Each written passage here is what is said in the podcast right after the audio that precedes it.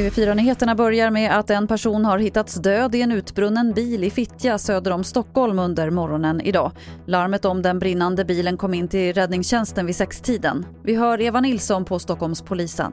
När de eh, kom dit så var en bil övertänd, stod halvt nedkörd i vattnet. Eh, och när de har släckt så upptäcker de att det finns en död person i, i bilen.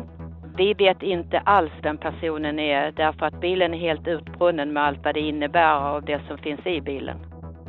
Så till Danmark som behåller sitt nuvarande maxtak för folksamlingar. Tanken var att det tillåtna antalet personer i folksamlingar skulle höjas från 100 till 200 i helgen. Men nu drar den danska regeringen i nödbromsen eftersom man är orolig för ett ökande antal coronasmittade. Och till sist kan vi berätta att räddningstjänsten i Östersund fick rycka ut efter att folk larmat om oroväckande ljud från Storsjön. Det lät som att någon var i nöd, men det visade sig vara en man som satt i en gummibåt och spelade munspel.